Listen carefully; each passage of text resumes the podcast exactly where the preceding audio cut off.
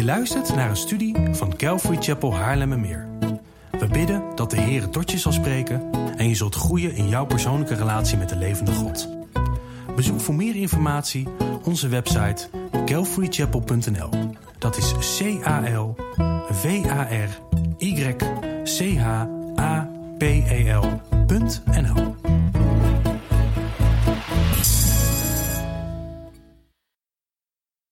Een hele tijd geleden, misschien een jaar of 35 al, trachtte een vriend van mij christen te zijn. Hij eh, ging met eh, een aantal tieners ja, mee naar, naar, naar een kerk.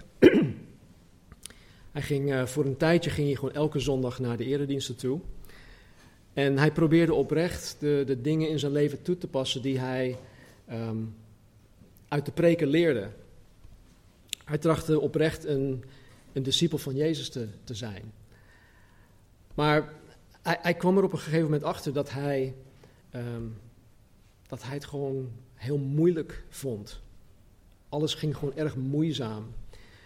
Uh, het Bijbellezen ging niet. Hij vond het totaal niet interessant. Uh, hij snapte het niet. Het boeide hem ook niet. Uh, begreep het niet. Um, kon zijn aandacht er niet bij houden. Um, werd gewoon telkens afgeleid en hij ging liever andere dingen doen, dus alles behalve zijn Bijbel lezen. Uh, bidden ging ook erg moeizaam. Of hij werd tijdens het bidden door alles en nog wat in zijn gedachten afgeleid. Um, of hij had het idee dat zijn gebeden gewoon zinloos waren, dat ze niet bij God aankwamen. Uh, dus ja, hij, hij, dacht van ja, het bidden werkt toch niet. Um, het heeft gewoon weinig zin om te bidden. Hij probeerde ook met bepaalde zonden in zijn leven te, te stoppen. Um, waren dingen in zijn leven waarvan hij dacht van ja, nee, hier moet ik echt mee kappen. En hij deed zijn uiterste best, maar goed, dat lukte voor geen meter. Hij probeerde het met anderen ook te hebben over het geloof. Maar ook dat ging niet. En het leek erop alsof hij telkens op alle fronten tegen muren aanliep. Dus hij wilde iets van God met mensen delen en mensen waren ervoor afgesloten. En ze dachten van joh, daar heb je hem weer. Weet je, en, en het, het lukte gewoon niet. En de mensen waarmee hij sprak, uh, die waren dan uh, totaal niet geïnteresseerd. En zijn, zijn, zijn, zijn, zijn christelijk leven was uiteindelijk niet wat hij verwacht had. Wat hij gedacht dat het zou zijn of hoe het eruit zou zien. En hij raakte op een gegeven moment gewoon zwaar ontmoedigd. En voor zijn gevoel, en dit is waar ik denk gevoel een beetje, een beetje lastig kan zijn. Voor zijn gevoel had hij er alles aan gedaan om, om een goede christen te zijn. Maar uiteindelijk vond hij het allemaal veel te moeilijk, veel te belastend, veel te, ja, te bekrompen allemaal. En omdat het hem meer kostte dan dat het hem uh, op, iets, iets opleverde, haakte hij op een gegeven moment af.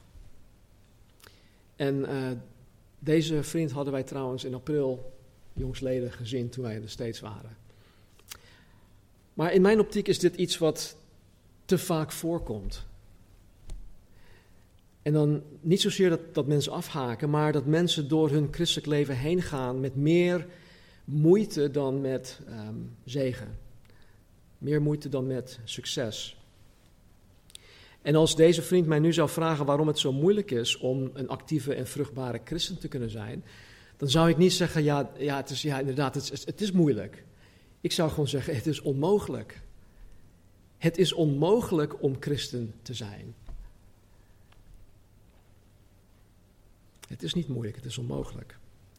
En wat ik hiermee bedoel is dat het onmogelijk is om een christen te zijn op eigen menselijke kracht. Op een krampachtige manier de geboden en verboden proberen na te gaan leven. Het is onmogelijk om christen te zijn uh, steunend en vertrouwend op, op eigen inzicht, op eigen kunnen, op, ja, op, op de manier waar, waarvan jij denkt, zo moet het of zo hoort het. En vandaar dat Jezus net voor zijn hemelvaart zijn discipelen opdroeg om te wachten op de kracht van de Heilige Geest dat komen zou met Pinksteren. Hij gaf in Matthäus 28 niet de opdracht en zij gingen niet meteen boem aan de slag met die opdracht. Nee, ze moesten eerst wachten. Wacht op de belofte, zei, zei, zei Jezus tegen hen.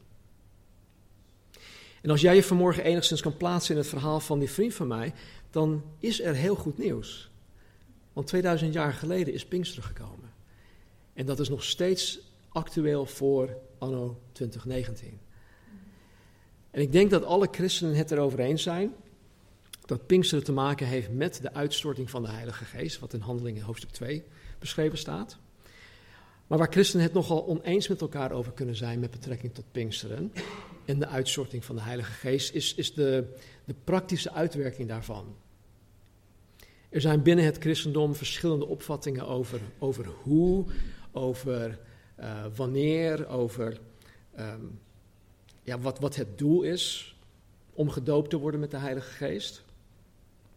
En het is vanmorgen dus niet mijn bedoeling om de verschillende opvattingen te gaan noemen of naar al die dingen, verschillende dingen te kijken, want daar heb ik tijd niet voor. Het is ook mijn bedoeling niet om al die dingen van tafel te schuiven. Maar de bedoeling van vanmorgen is om samen naar een aantal verschillende uh, schriftgedeelten te kijken, naar verschillende plekken te kijken in de Bijbel, om te zien wat Jezus zelf hierover te zeggen heeft en wat ook andere nieuwtestamentische schrijvers hierover te zeggen hebben. Dus we beginnen hiermee. Ten eerste is de Heilige Geest niet een, een kracht, het is niet een, um, een energie. De Heilige Geest is een persoon. Hij is de derde persoon in de drie-eenheid van God. En hij wordt in de Bijbel niet als een het beschreven, maar hij wordt door het voornaamwoord hij beschreven. En in um, Johannes hoofdstuk 16, vers 13 staat dit. Jezus in zijn afscheidsspeech uh, aan zijn discipelen zegt dit. Wanneer die komt, de geest van de waarheid, zal hij u de weg wijzen. In heel de waarheid. Want hij zal niet, uit van, hij zal niet vanuit zichzelf spreken, maar wat hij gehoord zal hebben, zal hij spreken. En toekomstige dingen zal hij u verkondigen. Hier noemt Jezus de Heilige Geest duidelijk een hij, niet een het. In Efeze hoofdstuk 4, vers 30 um, geeft Paulus aan dat wij de Heilige Geest kunnen bedroeven. Je, je kan een kracht of een energie niet bedroeven. Dat heeft te maken met emoties.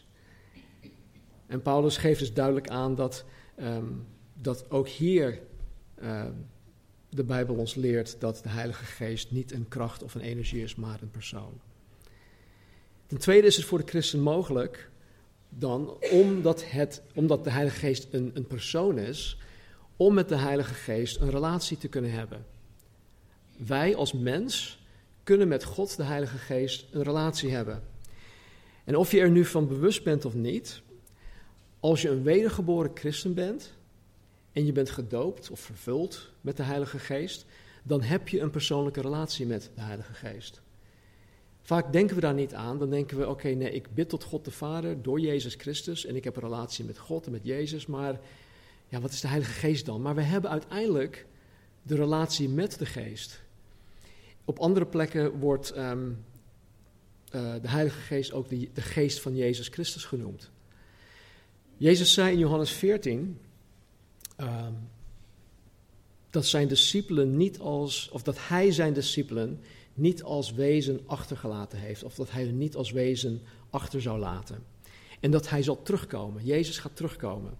En een van de manieren waarop Jezus reeds teruggekomen is, is door de komst van de Heilige Geest met Pinksteren.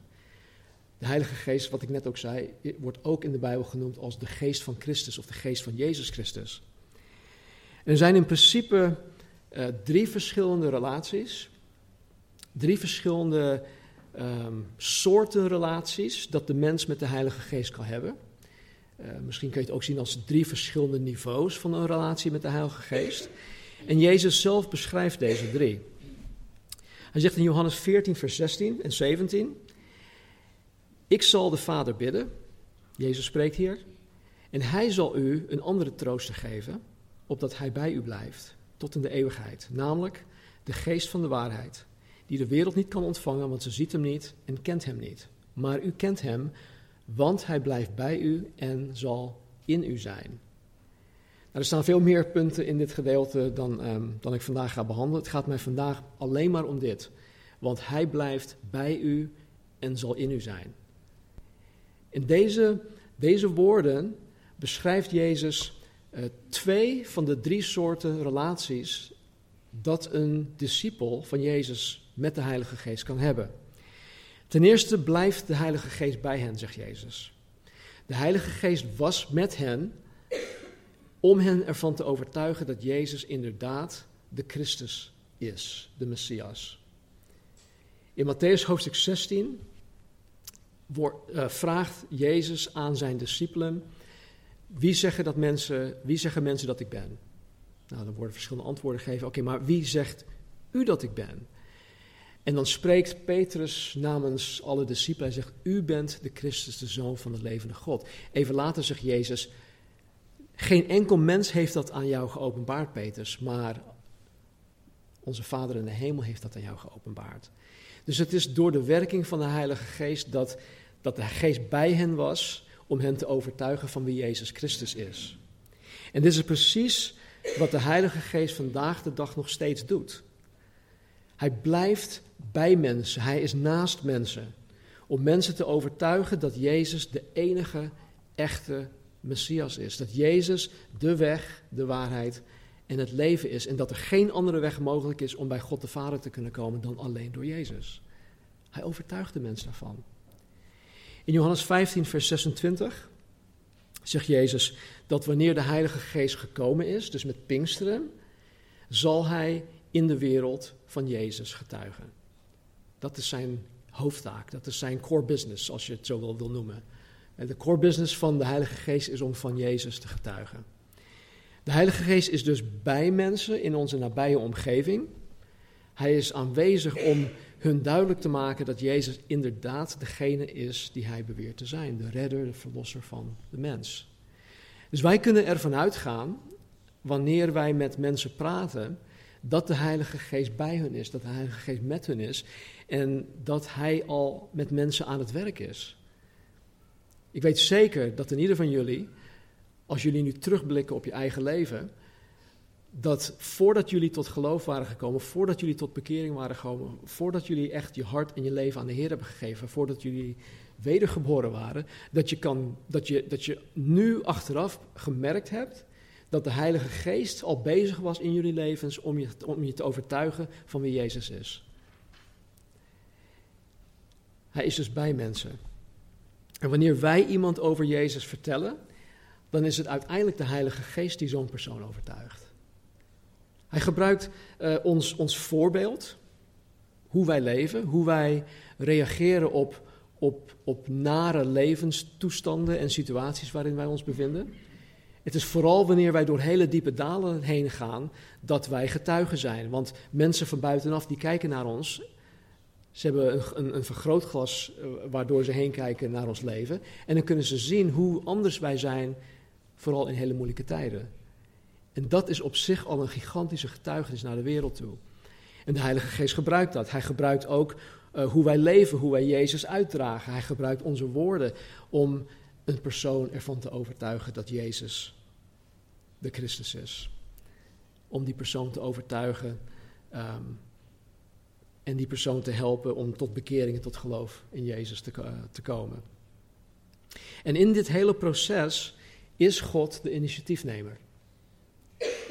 God heeft zijn enige geboren zoon gegeven. God heeft de Heilige Geest gezonden. Om onder andere bij de mensen te zijn om hen te overtuigen. De mens hoeft hiervoor eigenlijk niets te doen.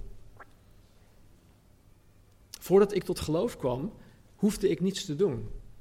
Het enige was, ik moest ervoor openstaan en ik moest luisteren. Ik moest aannemen wat, wat mensen mij vertelden. Toen Kobus mij uiteindelijk tot geloof leidde, luisterde ik naar de woorden die hij sprak. Hij sprak waarheid. En het is de waarheid die mij uiteindelijk vrijmaakte. Dus het enige wat mensen hoeven te doen is zichzelf openstellen en naar zijn stem te luisteren. Maar daar blijft het niet bij.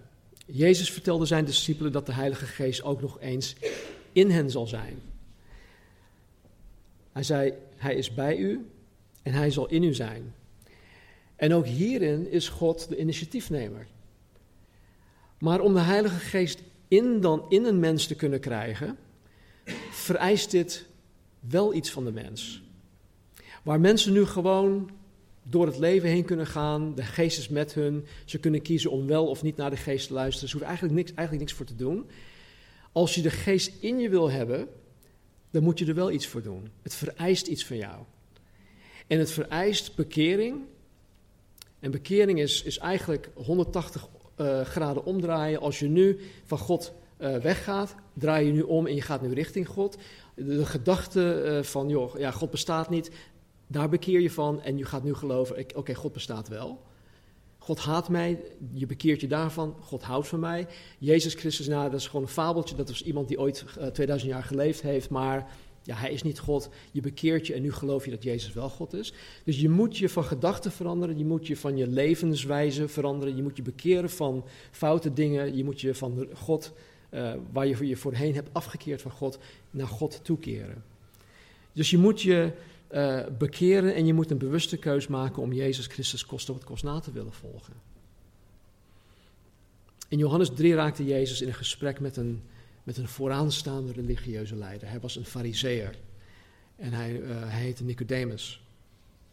En als er in die tijd iemand was die echt godsdienstig was, dan was het Nicodemus wel. Je zou kunnen denken dat iemand zoals Nicodemus zeker wel de Heilige Geest in zich, in zich zou hebben. Want hij was zo vroom en zo godsdienstig, hij hield zich zo aan het woord van God. Maar Jezus zei tegen deze Nicodemus dat zelfs hij zich moest bekeren. Nicodemus moest zich bekeren. Nicodemus zou door de Heilige Geest opnieuw geboren moeten worden. En God maakte dit Nicodemus mogelijk. Maar Nicodemus moest er zelf, hij moest er zelf bewust voor kiezen. Hij moest er zelf voor kiezen. En dit gold ook voor de discipelen. En ook zij hadden een moment van wedergeboorte. En ik geloof dat hun wedergeboorte in Johannes hoofdstuk 20 plaatsvond. Laten we, laten we lezen. Ik zal um, vanaf vers 19 lezen. Toen het nu avond was, op die eerste dag van de week, dus Jezus was al gekruisigd, was begraven, hij was nu al uit de dood opgestaan. En nu verschijnt hij ineens bij zijn discipelen. Dus er staat, toen het nu avond was op die eerste dag van de week, en de deuren van de plaats waar de discipelen bijeen waren, uit vrees voor de Joden gesloten waren, kwam Jezus en hij stond in hun midden en zei tegen hen: Vrede zij u.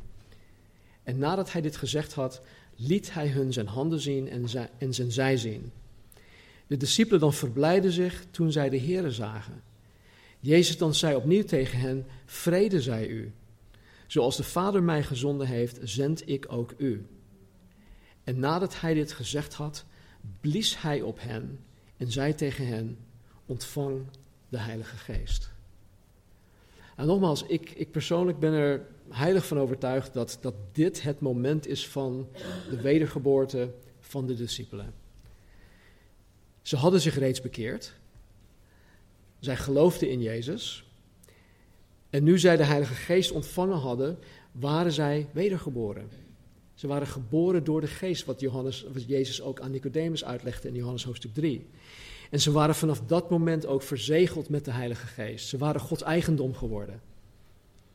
En vergeet niet dat Jezus eerst voor hun zonde moest sterven aan het kruis. Vervolgens moest Jezus ook uit de dood opstaan, voordat wie dan ook wedergeboren kon worden. Dus eh, het, het, dit moest het moment zijn geweest. Dit gold dus ook voor de discipelen, dat, dat Jezus eerst door deze stappen heen moest gaan. En deze handeling van Jezus, dat hij op hun blies en zegt: Ontvang de Heilige Geest. Dat doet me denken aan hoe God in Genesis hoofdstuk 2 de levensadem in de neusgaten van Adam blies. God gaf Adam leven. Daarvoor was hij gewoon een homp stof, vlees, die niet leefde. Maar God blies de levensadem in de neusgaten van, van, van Adam. En Jezus blies op zijn discipelen om hun het eeuwig leven te geven door middel van hun wedergeboorte. Dit is wat Jezus bedoelde toen hij in Johannes 14, 17 tegen zijn discipelen zei dat de Heilige Geest ook in hun zal zijn. Dus we hebben ehm, een paar dingen gezien. We hebben gezien dat uh, de Heilige Geest bij dus naast nog niet gelovige mensen is, om hen te overtuigen van wie Jezus is. En we hebben gezien dat de Heilige Geest in de discipelen kwam, sorry, toen zij tot wedergeboorte kwamen. Even hoor.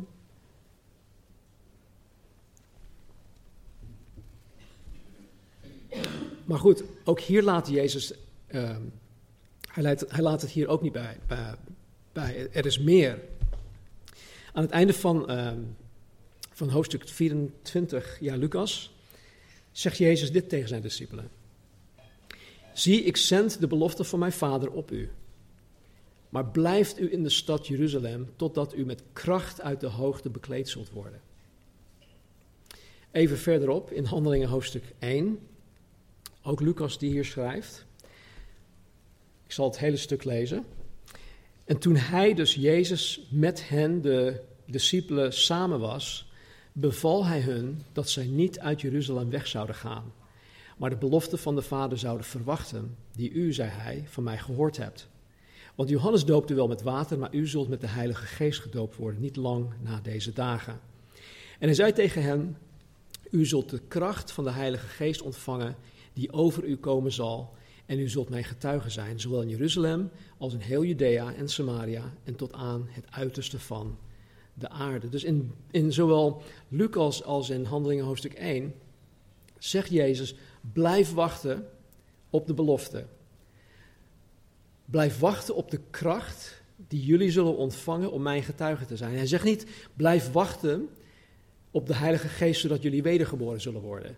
Hij zegt ook niet, blijf wachten in Jeruzalem op de Heilige Geest, zodat jullie deel zullen uitgaan maken van het lichaam van Jezus Christus. Nee, hij zegt, blijf wachten, zodat jullie kracht zullen ontvangen. Blijf wachten op die kracht vanuit de hoogte, de kracht van de Heilige Geest. Tegen de discipelen, of tegen deze discipelen, waarop Jezus in Johannes 20 blies en zei: Ontvang de Heilige Geest. Zei Jezus dus hier in Handelingen 1, vers 4 en 5 dat zij in Jeruzalem moesten blijven wachten op de belofte van de Vader. Dus in Johannes blies hij op hun. Hij gaf hen de geest. En nu zegt hij: wacht op de geest. Wacht op de kracht. Dat is een, een aparte uh, ja, gebeurtenis. Er zijn twee verschillende gebeurtenissen. Het doel. Um, even kijken hoor, waar ben ik? Oh ja, in vers 8 in eh, Handeling 1 zegt Jezus dat zij de kracht van de Heilige Geest zullen ontvangen die over hen heen zal komen. Dat is een belangrijk iets, de kracht die over hen heen zal komen. Oftewel dat zij gedoopt of um, bedolven of overweldigd zullen worden met de Heilige Geest om Jezus getuige te kunnen zijn. Het doel dat God voor ogen heeft met de doop met de Geest is om een getuige van Jezus te zijn. En dit betekent veel meer dan uh, dat je mensen vertelt over Jezus. En net zoals die vriend waar ik het over had, die vertelde mensen ook over Jezus. Maar dat lukte voor geen cent. Het lukte hem gewoon niet. Hij liep telkens tegen, tegen muren aan. En ik denk dat, dat er een groot verschil zit tussen um, getuigen zijn en getuigen. En dat, dat leg ik zo meteen even uit, wel uit. Het woord getuige dat Jezus hier gebruikt, komt van het Griekse woord uh, martus. En dit, dit, dit woord betekent inderdaad getuigen, maar het betekent ook dat men bereid is om omwille van zijn of haar getuigenis van Jezus te sterven. Zo ver gaat dat. Ik ben nu bereid, als, als christen die gedoopt is met de geest, ben ik nu bereid, ik ben nu bekrachtigd om te willen sterven voor de getuigenis van Jezus. Maar goed, voor de meeste van ons komt het nooit zo ver, want anders heeft Jezus niks aan ons. Want wij moeten hier op aarde zijn getuigen zijn. Maar het, het moet wel onze, onze houding, onze instelling zijn. Zo komen wij trouwens ook aan het Nederlands woord martelaar. Martus, van Martus. En dit is dan ook wat de apostel Paulus bedoelde toen hij in Galaten 2 vers 20 dit schreef. Hij zegt, ik ben met Christus gekruisigd en niet meer ik leef, zegt hij, maar Christus leeft in mij. En voor zover ik nu in het vlees leef, dus in het lichaam leef, leef ik door het geloof in de Zoon van God, die mij heeft liefgehad en zichzelf voor mij heeft overgegeven. Paulus begreep dit, dit, dit heel goed. Hij wist dat hij gestorven was met Christus. En dat het niet langer Paulus was die leefde, maar hij, dat Jezus Christus in hem leefde om getuige te kunnen zijn.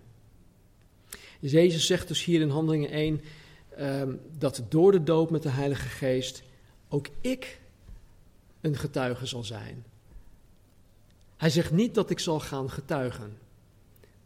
Misschien klinkt dat hetzelfde, maar er zit wel een wezenlijk verschil tussen die twee. Met andere woorden, ik, ik zal gaan getuigen omdat ik door de doop met de Heilige Geest een getuige ben. Mensen kunnen getuigen zonder dat ze gedoopt zijn met de Heilige Geest, zoals ik denk die vriend van mij.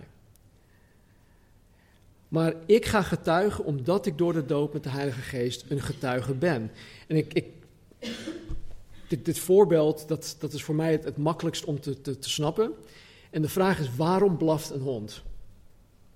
Ja, omdat hij vervelend is. Nee, een hond blaft omdat hij een hond is. Toch? En, en, en zo ook zal ik in de kracht van de Heilige Geest van Jezus getuigen, omdat ik door de Heilige Geest een getuige ben geworden. Ik getuig omdat ik getuige ben. Een hond blaft omdat hij een hond is. En nogmaals, dit gaat veel verder dan alleen het evangelie met mensen delen. Getuigen zijn, het, het, behelst je hele leven. Alles. Niet alleen op zondagochtend.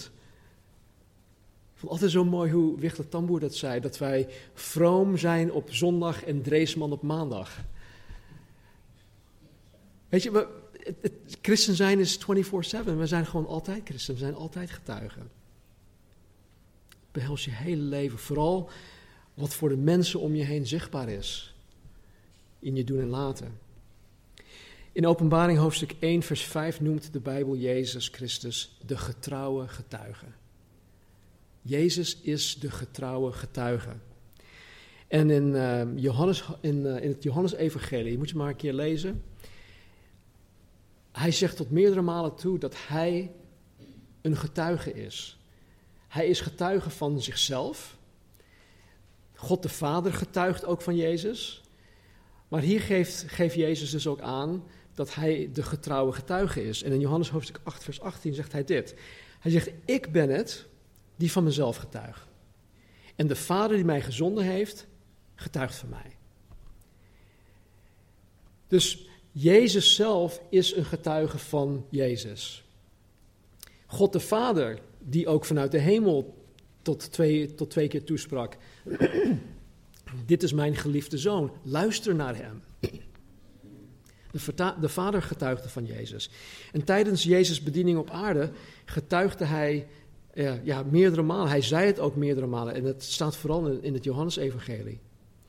En hij deed dit als geen ander dat kan, omdat hij als mens volmaakt was. Ja, hij was verleid op alle dingen zoals wij ook verleid worden, maar hij had nooit, zondig, nooit gezondigd. Hij was volmaakt.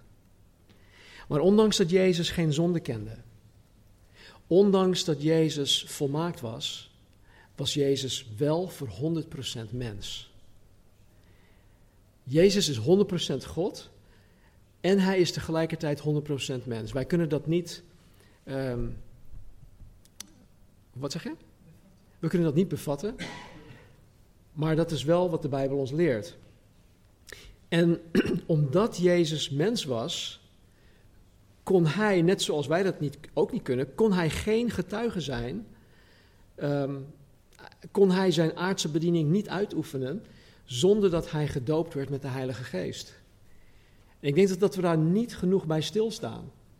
Wij denken dat alles, alles wat wij Jezus in de evangelie zien doen, denken, ja, maar ja, Jezus is God. Natuurlijk kan hij dat. Dat hij de gedachten van mensen kon lezen, wat, waar David Guzik het ook over had vorige, uh, vorige, vorige week.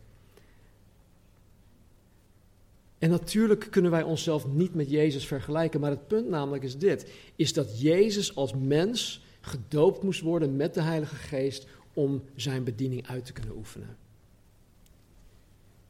Er staat in Lucas dit. En het geschiedde toen al het volk gedoopt was, dit is door Johannes de Doper, en Jezus ook gedoopt was door Johannes de Doper, en aan het bidden was dat ineens de hemel geopend werd en dat de Heilige Geest op Jezus neerdaalde, in lichamelijke gedaante als een duif. Als jullie ooit hebben gevraagd waarom, waarom staat hier een duif op, dat heeft hiermee te maken. En er kwam een stem uit de hemel die zei: U bent mijn geliefde zoon, in u heb ik mijn welbehagen. Op dit moment had Jezus nog helemaal niks voor God gedaan. Zijn bediening was nog niet van start gegaan. En toch zegt God: In jou, Jezus, in u heb ik mijn welbehagen. En weet je, dit geeft, dit geeft mij zoveel rust en vreugde, want wij zijn zo prestatiegericht als mens. En wij, wij, wij, wij gaan altijd de fout in, wij gaan altijd de mist in door te denken dat als wij niet presteren, dan is God niet blij met ons. Als wij fouten maken, als wij domme dingen doen, als wij zonde begaan, dan is God boos op ons, dan, dan, dan hebben we het verknald. Maar God is niet zo, God is genadig. Hij, hij weet van tevoren al dat wij fouten gaan maken. En toch houdt hij van ons. En hij blijft van ons houden. Er is niets wat ik kan doen om God minder van mij te laten houden. Er is niets wat jullie kunnen doen om God minder van jullie te laten houden. Dus God zegt tegen Jezus: In u heb ik mijn welbehagen. En dan komt het. En hij, Jezus, was ongeveer 30 jaar toen hij zijn dienstwerk begon. Dus op dit moment werd hij gedoopt met de Heilige Geest. En vanaf dit moment begon hij met zijn bediening. Voor zo'n drie, drieënhalf jaar lang. Om te kunnen zien wie Jezus in zijn bediening was, om zijn dienstwerk op aarde te kunnen doen, moest Jezus gedoopt worden met de geest. Dat, kon niet anders. En hij, hij, hij gaf ons daarin het voorbeeld. Jezus is ons ultiem voorbeeld. En ook hierin. Lucas schrijft dat de Heilige Geest op Jezus neerdaalde. Matthäus in zijn evangelie voegt daaraan toe dat de Heilige Geest op Jezus kwam. En het Grieks woord epi, dus epi, epi, betekent op, het betekent overheen of over je heen. Dus wanneer de Heilige Geest epi of op Jezus kwam, werd Jezus gedoopt, hij werd bedolven, hij werd overweldigd met de Heilige Geest, de Geest van God. En dit is precies hetzelfde woord dat Jezus in Handelingen hoofdstuk 1, vers 8 gebruikt. Wanneer Jezus zegt dat wij de kracht van de Heilige Geest ontvangen, die over u komen zal, die epi op ons komen zal. Precies dezelfde, de tweezelfde woorden. De geest kwam op die manier op Jezus en de geest komt ook op die manier op ons.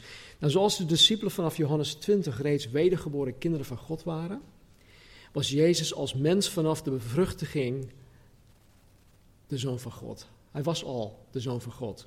Maar ondanks dat moest Jezus de bovennatuurlijke kracht van de Heilige Geest ontvangen om God te kunnen dienen. Om zijn opdracht te kunnen volbrengen. Nou, er zijn mensen, er zijn groeperingen binnen evangelisch christendom, misschien zitten jullie hier ook uh, in ons midden, die geloven dat een ieder die wedergeboren wordt, op het moment van wedergeboorte gedoopt wordt met de Heilige Geest.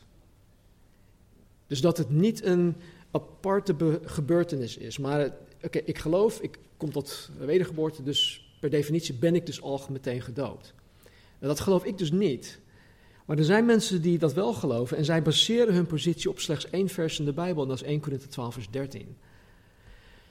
En terwijl ze ja, in mijn optiek dan veel andere schriftgedeelten zoals we die vandaag voor, uh, doorgenomen hebben, dat ze die gewoon negeren. Zijn dit onze broers en zussen in Christus? Ja. Gaan wij samen met hen de eeuwigheid doorbrengen met Jezus? Ja, absoluut.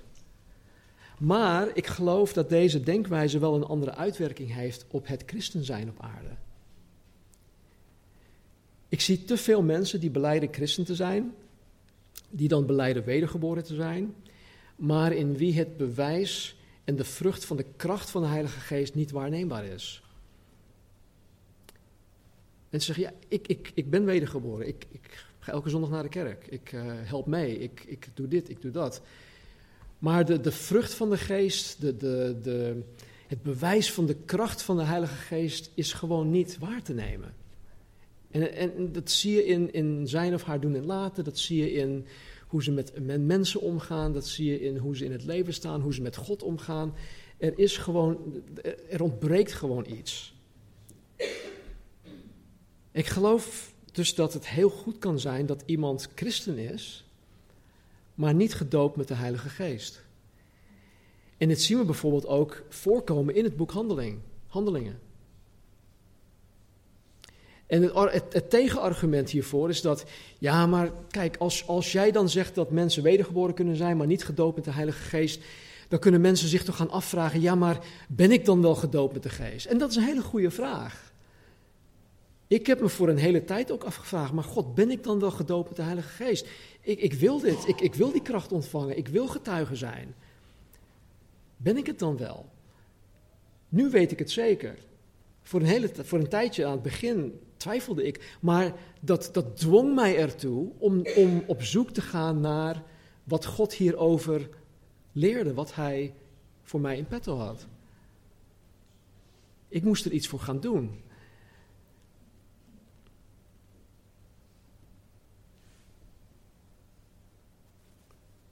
En de belangrijkste vraag, denk, denk ik dan, is niet hoe of wanneer of op welke manier men gedoopt wordt met de Heilige Geest. Maar ben je gedoopt met de Heilige Geest? Weet je dat? En als je dat niet zeker weet, dat is, er is niks mis daarmee. Er is niks mis mee als je het niet weet, als je niet zeker weet, of als je door vandaag in twijfel gebracht wordt dat je wel of niet met de, met de Heilige Geest gedoopt bent. Ga door het boek Handelingen heen. En je zal groeperingen zien. Volgelingen van Johannes de Doper, volgelingen van Jezus, die dan op een gegeven moment zeggen van ja, ik wist niet eens dat er überhaupt een Heilige Geest was. Weet je, dus uh, it, it's okay. is, er is niks mis daarmee als, als we twijfelen. Ik geloof dat er vanmorgen mensen zijn in wiens christelijk leven de kracht van de geest gewoon ontbreekt.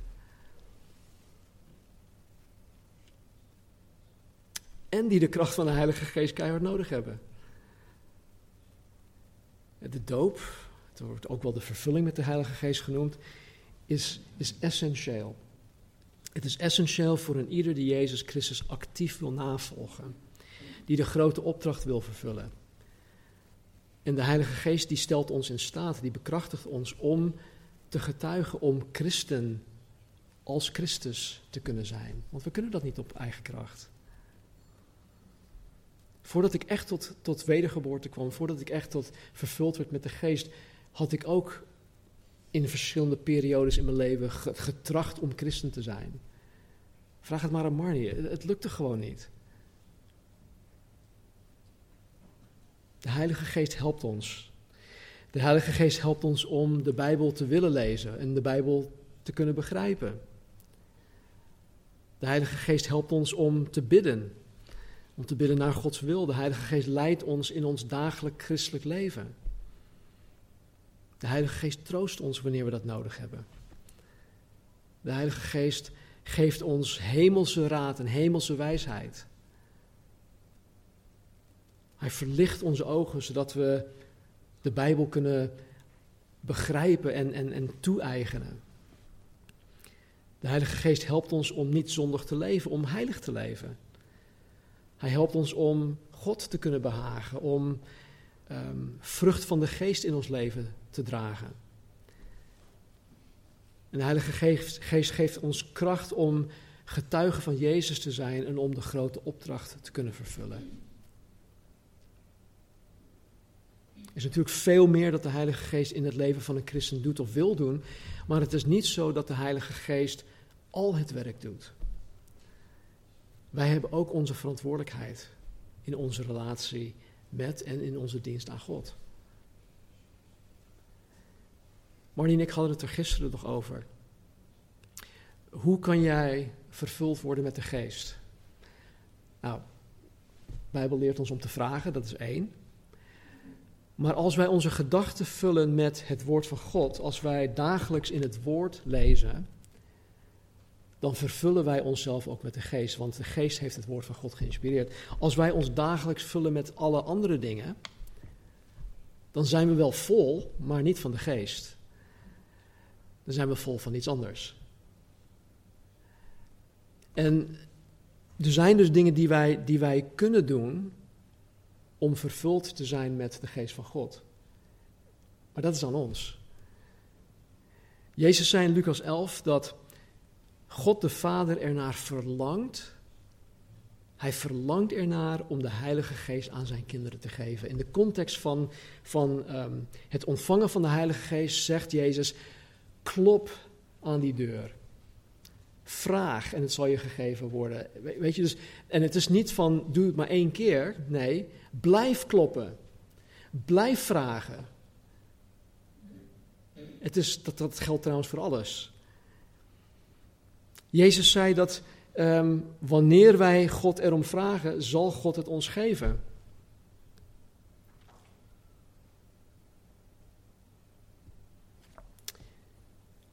Paulus zegt ook iets bijzonders in Efeze hoofdstuk 5 vers 18. Hij zegt, word niet dronken van wijn, waarin losbandigheid is, maar word vervuld met de geest. En ja, wat hij hier eigenlijk zegt is dat de mens beïnvloedbaar is.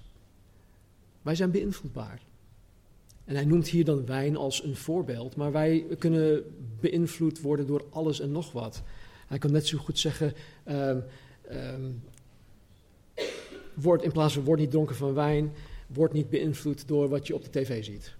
Word niet beïnvloed wat je op het internet ziet, maar word vervuld met de geest. Dus het, het, hij, hij, hij, hij, maakt een, een, een onderscheid, een contrast tussen twee, twee dingen. Maar hij zegt dus dat wij beïnvloedbaar zijn. Of wij worden beïnvloed door de drank of andere dingen wat ik net zei. Of wij worden beïnvloed door de Heilige Geest. En Paulus zegt, word vervuld met de geest. En de werkwoordsvorm leert ons hier dat wij continu met de Heilige Geest vervuld moeten worden. Elke, elke dag opnieuw. Dit betekent dat de doop of de vervulling met de geest, de Heilige Geest, dus niet een eenmalige gebeurtenis is, maar dat wij God elke dag opnieuw, meerdere malen per dag, moeten en mogen vragen om vervuld te worden met zijn geest. In de States, in alle fastfoodketens, is er een, uh, een voor Nederlanders onbekend fenomeen. En dat heet free refills. Dus als je naar de McDonald's gaat of naar de Burger King, dan heb je je beker. En ja, als je slim bent, neem je een kleine beker. Want dan, ja, als je daar gaat, ja, mensen kopen dan die grote beker. Maar goed, als je een kleine beker hebt, je kan gewoon tien keer terug om hem opnieuw te hervullen. Free refills. En het is eigenlijk met God, ja, dat klinkt misschien heel on oneerbiedig, maar het is met God ook zo. Hij geeft gewoon elke keer opnieuw free refills. En hij wil het ook. Dus ontbreekt er in je leven bovennatuurlijke kracht? Kracht om getuige te zijn, kracht om überhaupt christen te zijn. Vraag God vanmorgen om jou of voor de allereerste keer of voor de zoveelste keer vandaag opnieuw te vullen met zijn geest. Het is niet iets engs. Uh, we horen het in geloof te ontvangen. Ik weet dat in ook andere cirkels um, dat er heel veel um, uiterlijke dingen uh, gebeuren wanneer je gedoopt wordt met de geest, of althans dat, dat wordt beweerd. En uh, als je die dingen niet vertoont, ja, dan ben je eigenlijk geen christen of dan ben je niet vervuld met de geest. Maar uh, er staat gewoon in Lucas 1, lees het maar een keer door. Wij hoeven het alleen maar te vragen. En zoals met alles horen wij, kunnen wij het in geloof ontvangen. Zo simpel is het. God maakt het, niet, maakt het ons niet moeilijk. Laten we bidden. Heere God, dank u wel dat u het voor ons, Heere, zo, eigenlijk zo makkelijk maakt. Heere, dat wij het alleen maar hoeven te vragen.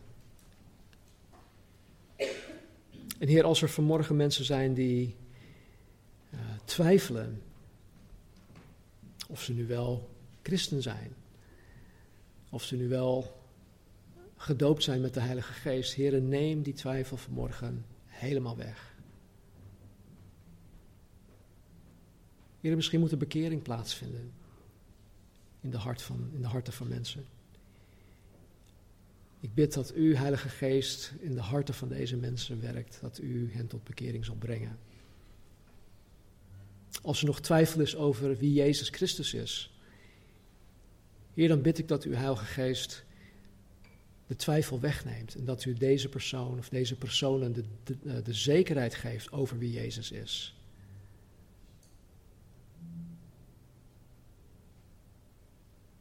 Heer, ik, ik kan mensen niet dwingen, ik kan mensen niet ertoe bewegen, Heer, om christen te worden. Alleen u kan dat doen. En zoals de apostel Paulus ook in Romeinen hoofdstuk 1 zegt, dat het evangelie de kracht is tot behoudenis, Heer.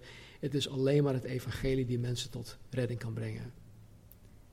En het is uw Heilige Geest die mensen daarvan overtuigt.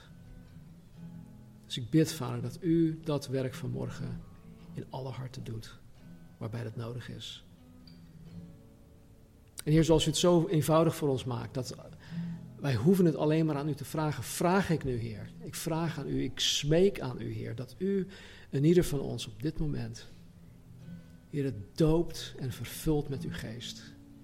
Het zij voor de eerste keer, het zij voor de zoveelste keer. Vader, we hebben u nodig. We kunnen niet zijn, we kunnen niet doen wat u van ons verlangt, wat u van ons vraagt, Heer. Zonder gedoopt te zijn met de geest. Zonder dat wij kracht vanuit de hoogte, kracht vanuit de hemel hebben ontvangen. Bovennatuurlijke kracht. Door ons geloof in Jezus Christus. Dus heren, laat, laat ons minder worden. Laat Jezus Christus meer worden. Laat vanuit ons binnenste, heren, stromen van levend water vloeien. Naar elkaar toe, naar de verloren wereld om ons heen toe. Heren, naar de Noah Pothovens toe.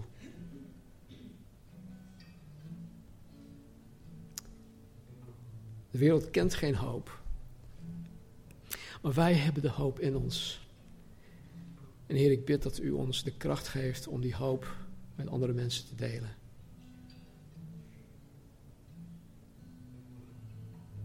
Neem alle vrees, neem alle schroom, neem alle angst weg, Heer.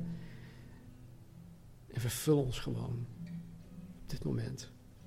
Tot eer en glorie van uw naam. Dank u wel. Amen.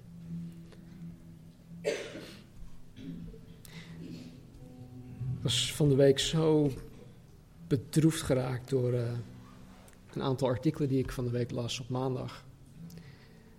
Ik weet niet of jullie het weten, maar afgelopen zondag is er een 17-jarig meisje door euthanasie om het leven ge gebracht. Een meisje die op jonge leeftijd verkracht is, een meisje die op jonge leeftijd misbruikt is en die zag het helemaal niet meer zitten. Ze kreeg anorexia, depressie en allerlei stoornissen. En niemand kon haar hoop geven. Niemand kon haar hoop bieden. Ouders niet, niemand. En het enige wat er dan in die artikelen staat is dat zij, zij, zij wilde rust hebben. Zij wilde alleen maar tot rust komen. En nu zeg ik niet dat, dat de kerk of dat wij gefaald hebben in haar specifieke situatie. Maar weet je, er zijn gewoon miljoenen van dit soort mensen in onze nabije omgeving. Mensen die er schijn op houden. Mensen die naar de buitenwereld toe gewoon alles ja, laten zien dat het alles, alles is oké. En daarom hebben wij de kracht van de Heilige Geest nodig om de hoop die wij hebben met mensen te kunnen delen. Bid er elke dag voor dat God jou vervult met de geest, zodat Jezus Christus in jou leeft en niet jijzelf. Don't worry,